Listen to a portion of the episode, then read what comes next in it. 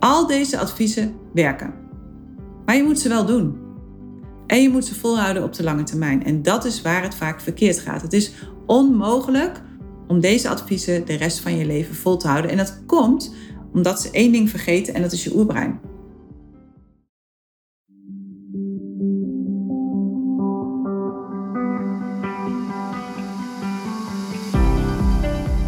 Welkom bij de Eetgeluk podcast met eetgeluk-expert Carola van Bemmelen.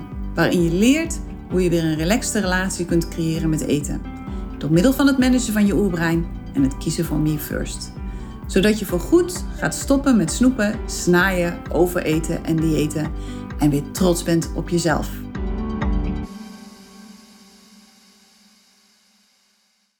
Dag mooie vrouw, daar ben ik weer. En terwijl ik hiermee bezig ben, zie ik dat dit al podcast nummer 99 is. Dat betekent dat volgende week podcast nummer 100 gewoon gelanceerd gaat worden. Hoe, hoe cool is dat? Ik vind het echt helemaal leuk. En ik ben er ook heel blij mee. Ik vind het ook heel leuk om te doen. Wat mij meteen brengt bij mijn vraag: heb je al een review achtergelaten voor de podcast? En als deze podcast je helpt, als je het fijn vindt om naar deze podcast te luisteren, doe dat dan eventjes. Want daarmee help je mij en een heleboel andere vrouwen om dat dieetspook voorgoed de wereld uit te helpen. En wat misschien ook leuk is om te weten, is dat je je kunt abonneren op de podcast. Dat kost je verder niks. Dat kun je gewoon doen in Spotify. En dan krijg je iedere week automatisch een berichtje als een nieuwe podcast online staat. Of als er tussentijds misschien nog podcasten extra bijkomen. Dus mocht je dat willen, abonneer dan ook gelijk even. Dus een review en abonneren zijn opties Waarbij de review voor mij eigenlijk geen optie is. Maar waarbij ik eigenlijk vraag om het gewoon eventjes te doen. Goed, in de voorgaande podcast heb ik natuurlijk al de eerste twee fases uitgelegd. En ja, als je die nog niet gehoord hebt, begin dan daarmee. Luister daar eerst naar. luister naar de vorige drie podcasts. De introductie, fase 1 en fase 2. dus het beste kun je beginnen bij podcast nummer 96. Als je de hele mini podcastcursus over 100% eetgeluk wilt horen. Goed, vandaag is het tijd voor de derde fase in het verhaal. En de derde fase in het verhaal gaat over de transformatie van zelfsabotage naar zelfleiderschap. En dat doe je door te leren hoe je je oerbrein kunt managen. Het leren managen van je oerbrein is stap 3 van de eetgelukmethode. En je oerbrein is de ontbrekende schakel die tot nu toe door iedere lifestyle coach en diëtist gewoon categorisch nog steeds over het hoofd wordt gezien. En dat is exact de reden dat het zo lastig is om de traditionele voedingsprogramma's vol te houden. Want het punt met die traditionele voedingsprogramma's is dat ze haak staan op de werking van je oerbrein. En daarbij komt natuurlijk dat de meeste adviezen die worden gegeven al tientallen jaren, misschien al wel honderd jaar worden gegeven. Let op vet, tel je calorieën, eet minder dan je verbrandt en je valt af. Yeah, right. Ik moet dan altijd denken aan topsporters. En dan denk ik, ja, een topsporter die verbrandt 10.000 calorieën per dag, maar die eten misschien 3.500 per dag. Dus op een gegeven moment zou die dan moeten verdwijnen. Maar dat gebeurt niet. Dus ik vind het een magere theorie, moet ik heel eerlijk zeggen. Ga minimaal drie keer per week sporten. Ga op tijd naar bed. Matig met alcohol. Let op koolhydraten. Ga intermittent vasten. En het punt met de meeste van deze adviezen is dat ze allemaal werken. Al deze adviezen werken. Maar je moet ze wel doen. En je moet ze volhouden op de lange termijn. En dat is waar het vaak verkeerd gaat. Het is onmogelijk om deze adviezen de rest van je leven vol te houden. En dat komt omdat ze één ding vergeten en dat is je oerbrein. Al deze adviezen staan stuk voor stuk haaks op de werking van je oerbrein. want je oerbrein houdt van overvloed. Je oerbrein houdt niet van minder eten. Je oerbrein houdt van kleine stapjes. Het houdt niet van slank in 10 dagen. Daar houdt je oerbrein niet van. Die wil gewoon heel rustig aan. Je oerbrein houdt van calorieën verzamelen, maar niet van minder calorieën eten. Dus al het calorieën tellen, daar vindt je oerbrein helemaal niks aan. Je oerbrein houdt van energie besparen, niet van energie verbranden. Daarom is het zo verleidelijk om op de bank te blijven zitten terwijl je eigenlijk wil gaan sporten. Je oerbrein houdt van verzamelen, het houdt niet van opruimen. Het houdt ervan om extra voorraad aan te leggen in je lichaam. Het houdt er niet van om al die voorraad te verbranden. Het houdt van langzaam, het houdt niet van snel. dus ja, een paar kilo afvallen in korte tijd is niet waar je oerbrein van houdt. Brengt je ook in gevaar, hè? Want dat betekent dat alle energievoorraden heel snel naar beneden gaan. Nou, kijk wat er gebeurde in tijden van de corona. Dat iedereen als een gek naar de winkel ging voor toiletpapier. Niet voor andere dingen, maar voor toiletpapier. Hetzelfde verhaal. Je oerbrein houdt van saai en voorspelbaar. Het houdt niet van spannend. Het houdt niet van iedere keer wat nieuws. Het wil gewoon doen wat het altijd heeft gedaan. Het houdt van balans. Het houdt niet van pieken en dalen. Dus het houdt er niet van dat je ineens veel afvalt en dan weer veel aankomt. Allemaal tekenen voor je oerbrein dat je in gevaar bent, dat het niet goed gaat met je. Je oerbrein houdt van herhaling en het houdt van consistentie. Het houdt niet van verandering. dus alles wat je eigenlijk leert in al die voedingsprogramma's, in al die diëten, ja, dat is precies haaks op wat je oerbrein wil. En wat al deze factoren ook nog een keertje doen, is dat ze focussen op het resultaat. Op het getal op de weegschaal of op hoe je lichaam eruit komt te zien. Ze proberen om door het veranderen van de buitenkant een transformatie aan de binnenkant te bewerkstelligen. En nou ben ik op het moment zover dat ik begrijp dat je omgeving invloed heeft op hoe je je voelt en op ja, hoe je je ontwikkelt. Maar het is niet de meest lucratieve manier om gewoonten te veranderen. Want als je iedere keer moet gaan verhuizen als je niet lekker in je vel zit, ja, dan wordt het ook wel een beetje onhandig. Dus het punt met de meeste gewoonten in je leven op dit moment is dat je ze waarschijnlijk onbewust hebt gecreëerd. Want een gewoonte is niets meer en niets minder dan gedrag dat je zo vaak hebt herhaald, dat het uiteindelijk door je brein is geautomatiseerd. En want dingen die je vaak herhaalt, daarvan denkt je brein van, oh, die zijn belangrijk, die moet ik dan maar even automatiseren. Maar omdat je de meeste van je huidige gewoontes onbewust hebt gecreëerd, ben je je van het gros van je gewoontes waarschijnlijk helemaal niet bewust. Je bent je waarschijnlijk helemaal niet bewust van wat je allemaal doet en denkt en zegt en hoe je reageert in bepaalde situaties. En dat is goed, maar dat is ook slecht nieuws tegelijk. Het goede nieuws is dat wanneer je onbewust gewoonte creëert, dat je ook bewust gewoonte kunt creëren. Maar het slechte nieuws is dat je al die oude gewoonten die je niet meer dienen los moet gaan laten. En omdat ze volledig geautomatiseerd zijn door je brein, kan dat een behoorlijke uitdaging zijn. In de eerste plaats omdat je je er waarschijnlijk niet eens van bewust bent dat je ze hebt. En hoe kun je nou iets veranderen waarvan je niet weet dat je het hebt? En daar komt bij dat je identiteit en je gewoonte onlosmakelijk met elkaar verbonden zijn. Het een kan niet zonder het ander. En dat betekent dus dat je oerbrein het als een enorme bedreiging kan gaan zien wanneer je dingen wilt veranderen. Het denkt letterlijk dat je doodgaat omdat je een deel van je huidige identiteit wilt gaan afstoten. Wanneer je dus hoopt dat je je beter voelt door het doen van acties van buitenaf, bijvoorbeeld door het veranderen van je gewicht of van je uiterlijk, dan breng je jouw huidige identiteit in gevaar. dus stel, je weegt op dit moment 100 kilo en je hebt daar je hele identiteit omheen gebouwd en je wil gaan afvallen. Wat je dan eigenlijk doet, is dat je in de ogen van je oerbrein de oorlog aan jezelf verklaart. Want wat je daarmee eigenlijk zegt tegen jezelf, is dat je nu niet goed genoeg bent zoals je bent. Dat je eerst van buiten moet veranderen voordat je van binnen van jezelf kunt houden. Maar de buitenwereld is altijd een weerspiegeling van de binnenwereld. En dat betekent dus dat je jezelf niet slank kunt haten.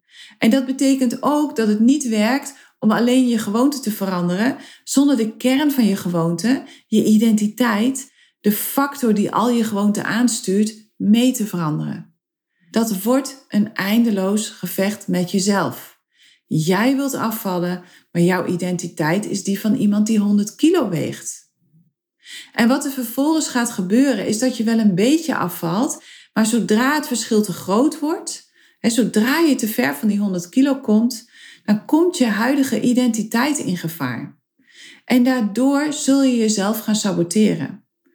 Daardoor zal je oerbrein ingrijpen, omdat de buitenkant anders niet meer past bij de binnenkant. Snap je? Dus daarom heeft het geen zin om van het ene programma naar het andere te hobbelen.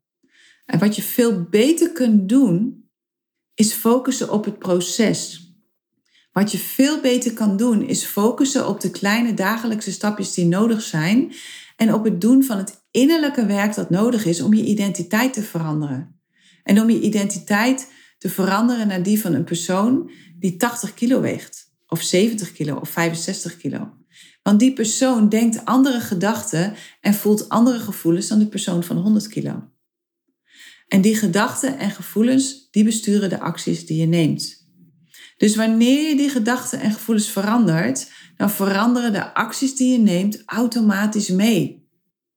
Je hebt dan geen wilskracht meer nodig om je nieuwe gewoonte lang genoeg vol te kunnen houden tot je oerbrein ze automatiseert.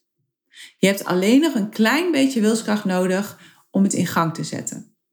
Maar dat is een heel groot verschil met de hoeveelheid wilskracht die je normaal gesproken dagelijks nodig hebt, omdat je tegen je identiteit in aan het werken bent. Je bent eigenlijk stroomopwaarts aan het zwemmen. En dat kost gewoon veel energie. En soms gaat dat goed en op een gegeven moment word je gewoon weer met de stroom meegesleurd. dus wanneer je van buiten naar binnen probeert te veranderen, dus op de manier zoals we dat al ongeveer 100 jaar proberen, dan zeg je eigenlijk tegen jezelf dat je nu niet goed bent zoals je bent. Dat je eerst moet gaan veranderen voordat je van jezelf kunt houden. En daardoor ga je focussen op het resultaat, op het zien van de verandering, in plaats van op het proces.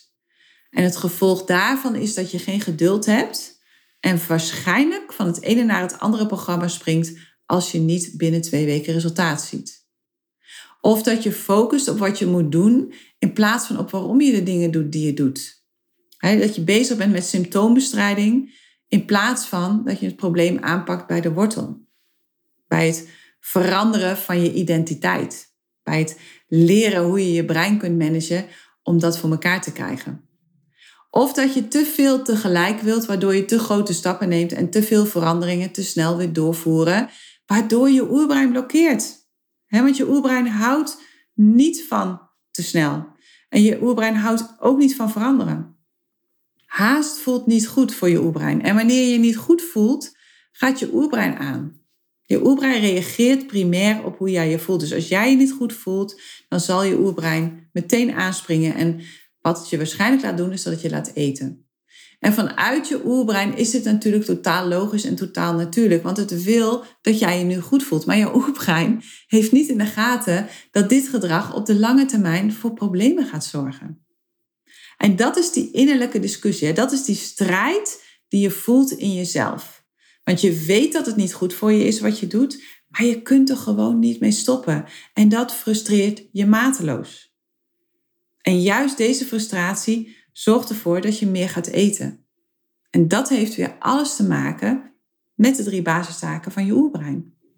Met de motivatiedriehoek waarvanuit je oerbrein functioneert. En want je oerbrein heeft drie taken. De eerste taak is zorgen dat je je veilig bent.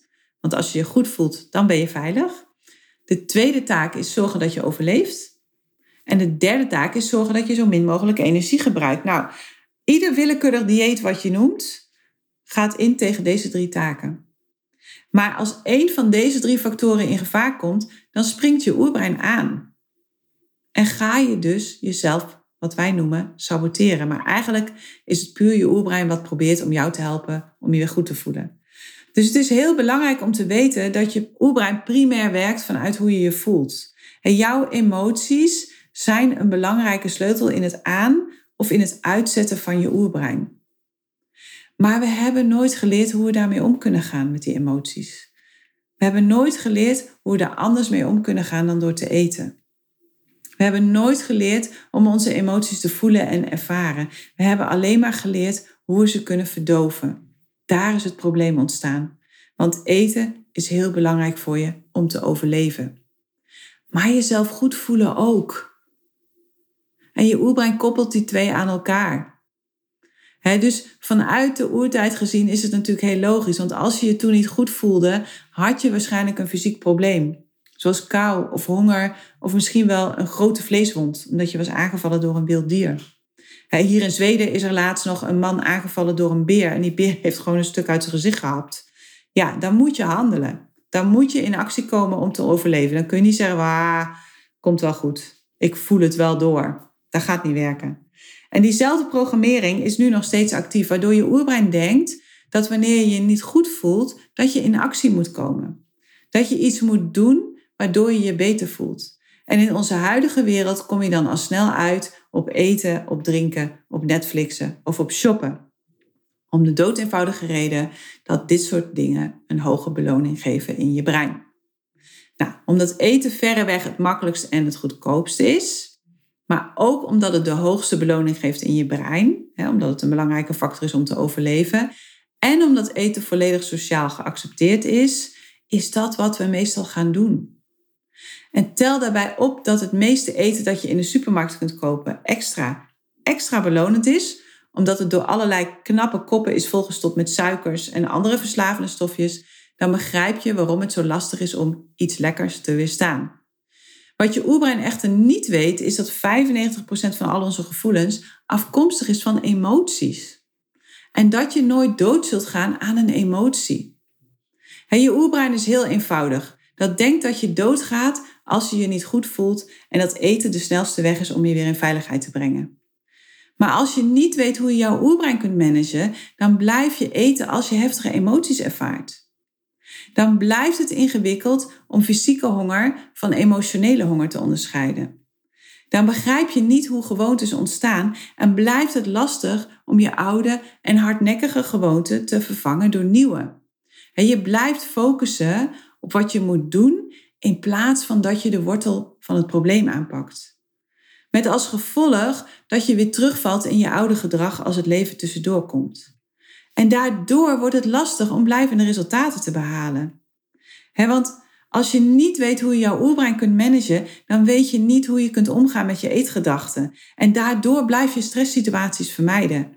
En hou je de stress over vakanties, over weekendjes weg, over etentjes en andere onverwachte uitjes. Gewoon om de dood eenvoudige reden, omdat je niet weet hoe je jezelf kunt coachen in lastige situaties. En daardoor blijf je proberen om de omgeving te controleren. In plaats van dat je jezelf leert managen. je bent niet bekend met de drie grote valkuilen van zelfcoaching, waardoor je het waarschijnlijk ook verkeerd gaat toepassen. En dan blijft eten een vriend en vijand tegelijk. En blijf je je s'morgens, als je wakker wordt, rot voelen. Omdat het de dag ervoor weer niet is gelukt om je in te houden qua snoepen, qua snaaien, qua overeten. En daar gaat het je dus nooit lukken om dit op de lange termijn vol te houden. daarom is de derde stap van de eetgelukmethode helemaal gericht op het leren managen van je oerbrein en op het leren coachen van jezelf. Zodat je gaat stoppen met zelfsabotage en stapje voor stapje weer jouw zelfleiderschap gaat oppakken. Te beginnen bij je eetgedrag, maar wanneer je begrijpt hoe dit mechanisme werkt, kun je het ook oppakken voor al die andere gebieden in je leven waar je dingen wilt veranderen. want wanneer je begrijpt hoe je jouw oerbrein kunt managen, dan weet je hoe je jezelf kunt coachen in al die lastige eetsituaties. Dan kun je weer zelf de volledige controle terugnemen over jouw eetgedrag en over je leven. En herstel je jouw verstoorde eetgedrag bij de wortel. Je gaat stoppen met snoepen, met snaaien en met overeten. En je begrijpt waarom diëten de focus op eten juist nog erger maken. Je durft weer te genieten van eten omdat je weet dat je kunt stoppen als je vol zit. En je bent niet meer bang voor emoties omdat je begrijpt hoe ze ontstaan. En omdat je weet hoe je ermee om kunt gaan zonder te gaan eten. Er zijn honderdduizenden andere manieren om om te gaan met emoties. Echt, geloof me. Je weet hoe je jouw eetgedachten kunt waarnemen en kunt ombuigen, zodanig dat je brein ze gelooft. want fake it till you make it werkt niet. Dat werkt alleen maar als je brein het gelooft. Net zoals eindeloos mantra's opzeggen die je niet gelooft, er is iets anders nodig om je brein te overtuigen wanneer je begrijpt hoe je jouw oerbrein kunt managen, dan krijg je eindelijk rust in je hoofd als het gaat over eten. Want geloof me, er is niets fijner dan het eetstemmetje met pensioen te sturen. En je bent in staat om gezonde grenzen aan te geven en te handhaven voor jezelf. En je gaat eindelijk stoppen met snoepen en snaaien in de avond en voor de tv. En daarbij ben ik aangekomen bij de laatste en heel belangrijke fase uit het proces. Namelijk dat dit alles alleen maar gaat werken als je komt vanuit volledige verbinding met jezelf. Als je komt vanuit 100% zelfliefde. Als je meer me first gaat toevoegen aan je leven. Het gaat niet werken om jezelf te willen veranderen vanuit ontevredenheid met wie je nu bent. Vanuit jezelf haten.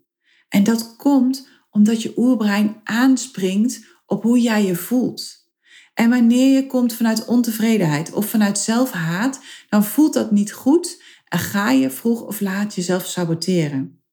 Dus als het goed is, ga je nu steeds begrijpen, steeds beter begrijpen, moet ik zeggen, waarom een relaxte relatie met eten niet gaat over eten, maar over de relatie die je hebt met jezelf. En waarom het geen zin heeft om weer aan het volgende dieet te beginnen als je baalt van jezelf. Volgende week ga ik het uitgebreid over deze laatste fase hebben. Over de fase van zelfhaat zelfliefde. Over de transformatie van zelfhaat naar zelfliefde, moet ik eigenlijk zeggen. Denk er nog even aan dat je een uh, review na, uh, achterlaat bij deze podcast. En ja, als je iedere week wil ontvangen wanneer de podcast weer live gaat, abonneer je dan ook gelijk even. Goed? Oké, wij horen elkaar volgende week weer. Tot dan.